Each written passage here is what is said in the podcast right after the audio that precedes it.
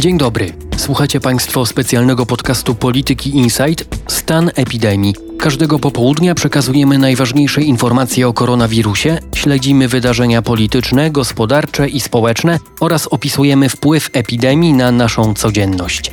Nazywam się Karol Tokarczyk i zapraszam na dzisiejszy odcinek.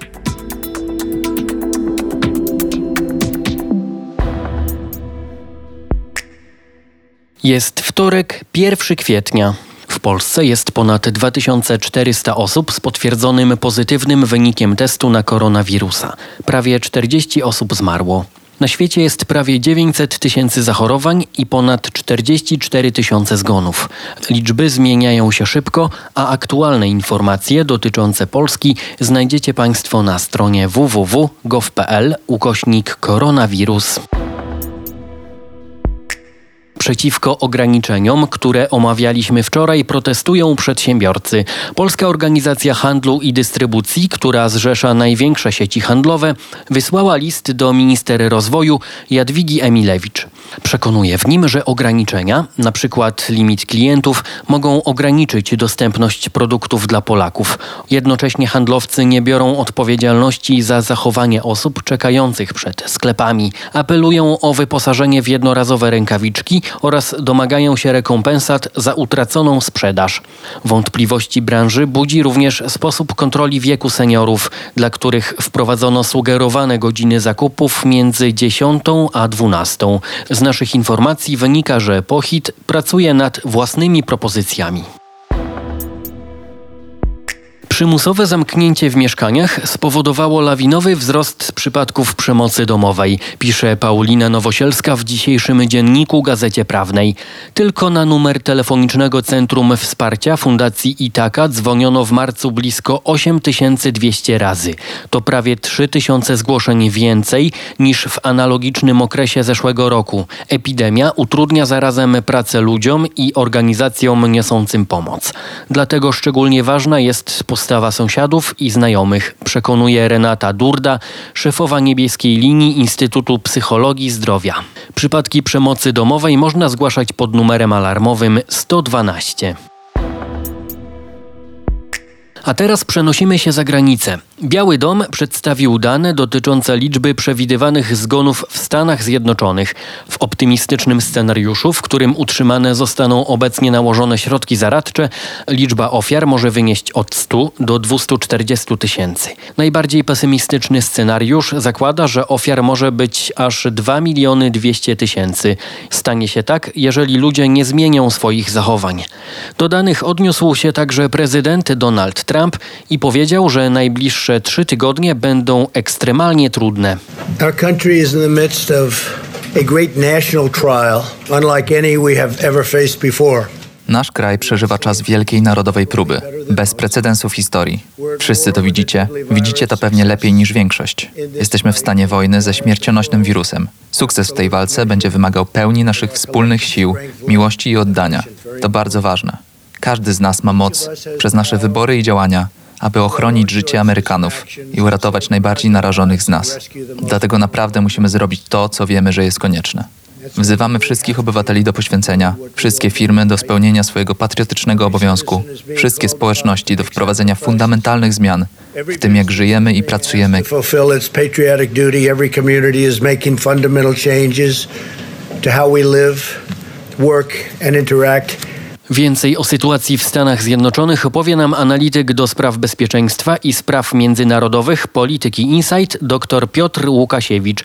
Powiedz, jakie są reakcje społeczne na samą epidemię i na działania władz federalnych i lokalnych? Mamy do czynienia z kryzysem w Ameryce, którego rozmiar, ale również i skutki możemy porównywać chyba z takimi wydarzeniami historycznymi jak wojna w Wietnamie czy ataki 11 e, września 2001 roku.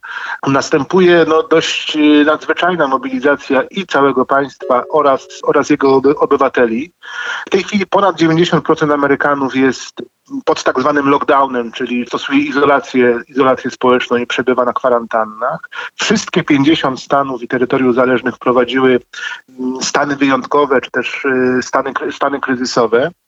Więc rzeczywiście Amerykanie próbują się mobilizować. Naj, najciężej dotknięty jest w tej chwili miasto, zwłaszcza stan Nowy Jork i miasto, no, miasto Nowy Jork. Dzisiaj już wiemy o 1550 ofiarach, kilkudziesięciu, ponad 30 tysięcy zarażonych. Sytuacja staje się do tego stopnia dramatyczna, że, że przepełnione są już kostnice miejskie i budowane są szpitale chociażby w Central Parku.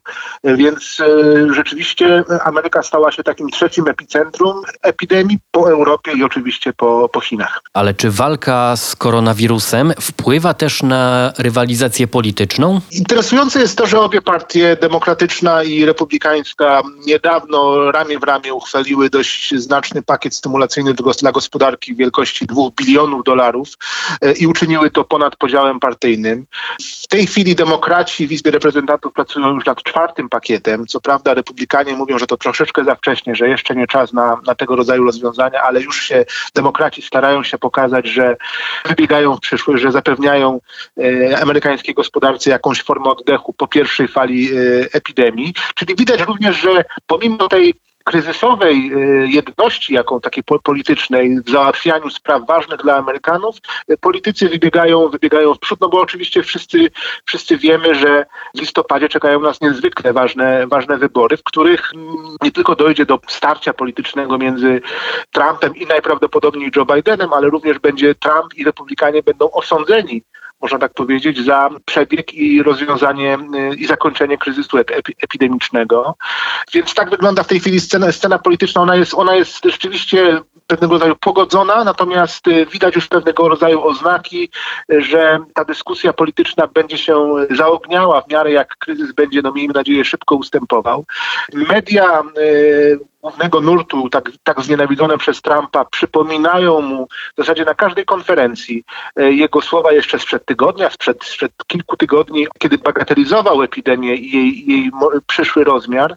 Przypominają mu te zaniedbania w ich, w ich przekonaniu, co oczywiście budzi e, żywą emocję i żywą, żywe odpowiedzi samego prezydenta, ale w tej chwili e, chyba jest, to nie jest czas na, na, na krytykę w Ameryce. Amerykanie się raczej zmobilizują, a pora osądzania i takiej ostrej walki, e, walki politycznej rozegra się no, pewnie po zakończeniu tego tej największej fali e, epidemii, która, której spodziewają się w Ameryce do trzech tygodni, do końca, pewnie do końca kwietnia. Na koniec e, powiedz o amerykańskim wojsku. Jaką rolę ono odgrywa w walce z koronawirusem? Przede wszystkim ta armia, można powiedzieć, regularna, te siły główne, one same są dotknięte koronawirusem, ponieważ chociażby lotniskowiec Theodore Roosevelt, który stacjonuje na wyspie Guam, ma już na pokładzie ponad 100 zarażonych marynarzy, więc armia też zmaga się z sytuacją epidemiczną w swoich szeregach.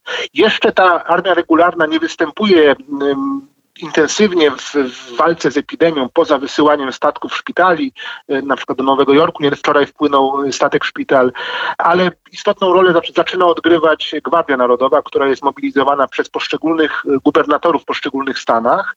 No to są role przede wszystkim takie, no, takie logistyczne, można powiedzieć, odka do, do odkażania e, terenu, takie typowe zadania dla wojska, które w sytuacji epidemii możemy się, możemy się spełnić. Czyli odkażanie terenu, logistyka, transport, udział lekarzy oczywiście też Y, wojskowych itd., tak itd. Tak to są zadania dla Gwardii Narodowej. Dziękujemy za te informacje i dodajmy, że sytuację za oceanem będziemy oczywiście monitorować.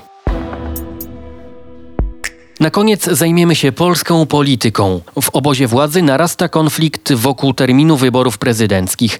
Plebiscyt chce przełożyć Jarosław Gowin, który zagroził, że jego posłowie nie poprą powszechnego głosowania korespondencyjnego. Na to miał usłyszeć, że wtedy jego przedstawiciele zostaną usunięci z rządu.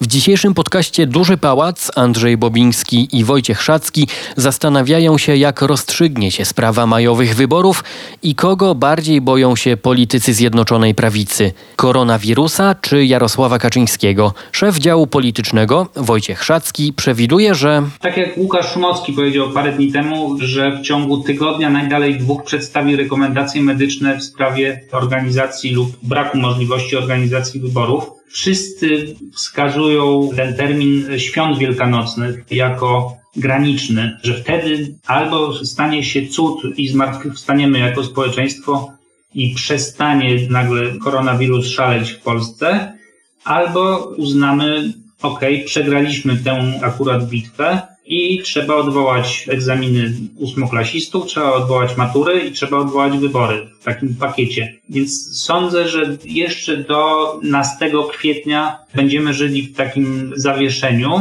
Myślę, że ta presja na odwołanie wyborów będzie narastała, że tych głosów samorządowców, ekspertów, profesorów medycyny i tak dalej będzie przybywało przeciwko wyborom, że ten spór wewnątrz Zjednoczonej Prawicy będzie również coraz gorętszy. Myślę, że pod naporem faktów gdzieś w okolicy 12 kwietnia usłyszymy deklarację, że wyborów nie ma. Więcej w naszym dzisiejszym podcaście Duży Pałac. A jutro w podcaście Stan epidemii sprawdzimy, czy sieci telekomunikacyjnej grozi przeciążenie. Na dziś to wszystko. Na kolejny odcinek zapraszam już jutro. O epidemii koronawirusa mówimy również w innych audycjach. We wtorki w Energii do Zmiany, w środy w kampanijnym Dużym Pałacu i w piątki w audycji o najważniejszych wydarzeniach politycznych i gospodarczych. Znajdziecie nas w serwisach Spotify, Apple Podcast, Google Podcast, na SoundCloudzie i w innych aplikacjach, w których słuchacie podcastów. Szczegółowe informacje i analizy znajdziecie również w serwisach Polityki Insight. Do usłyszenia.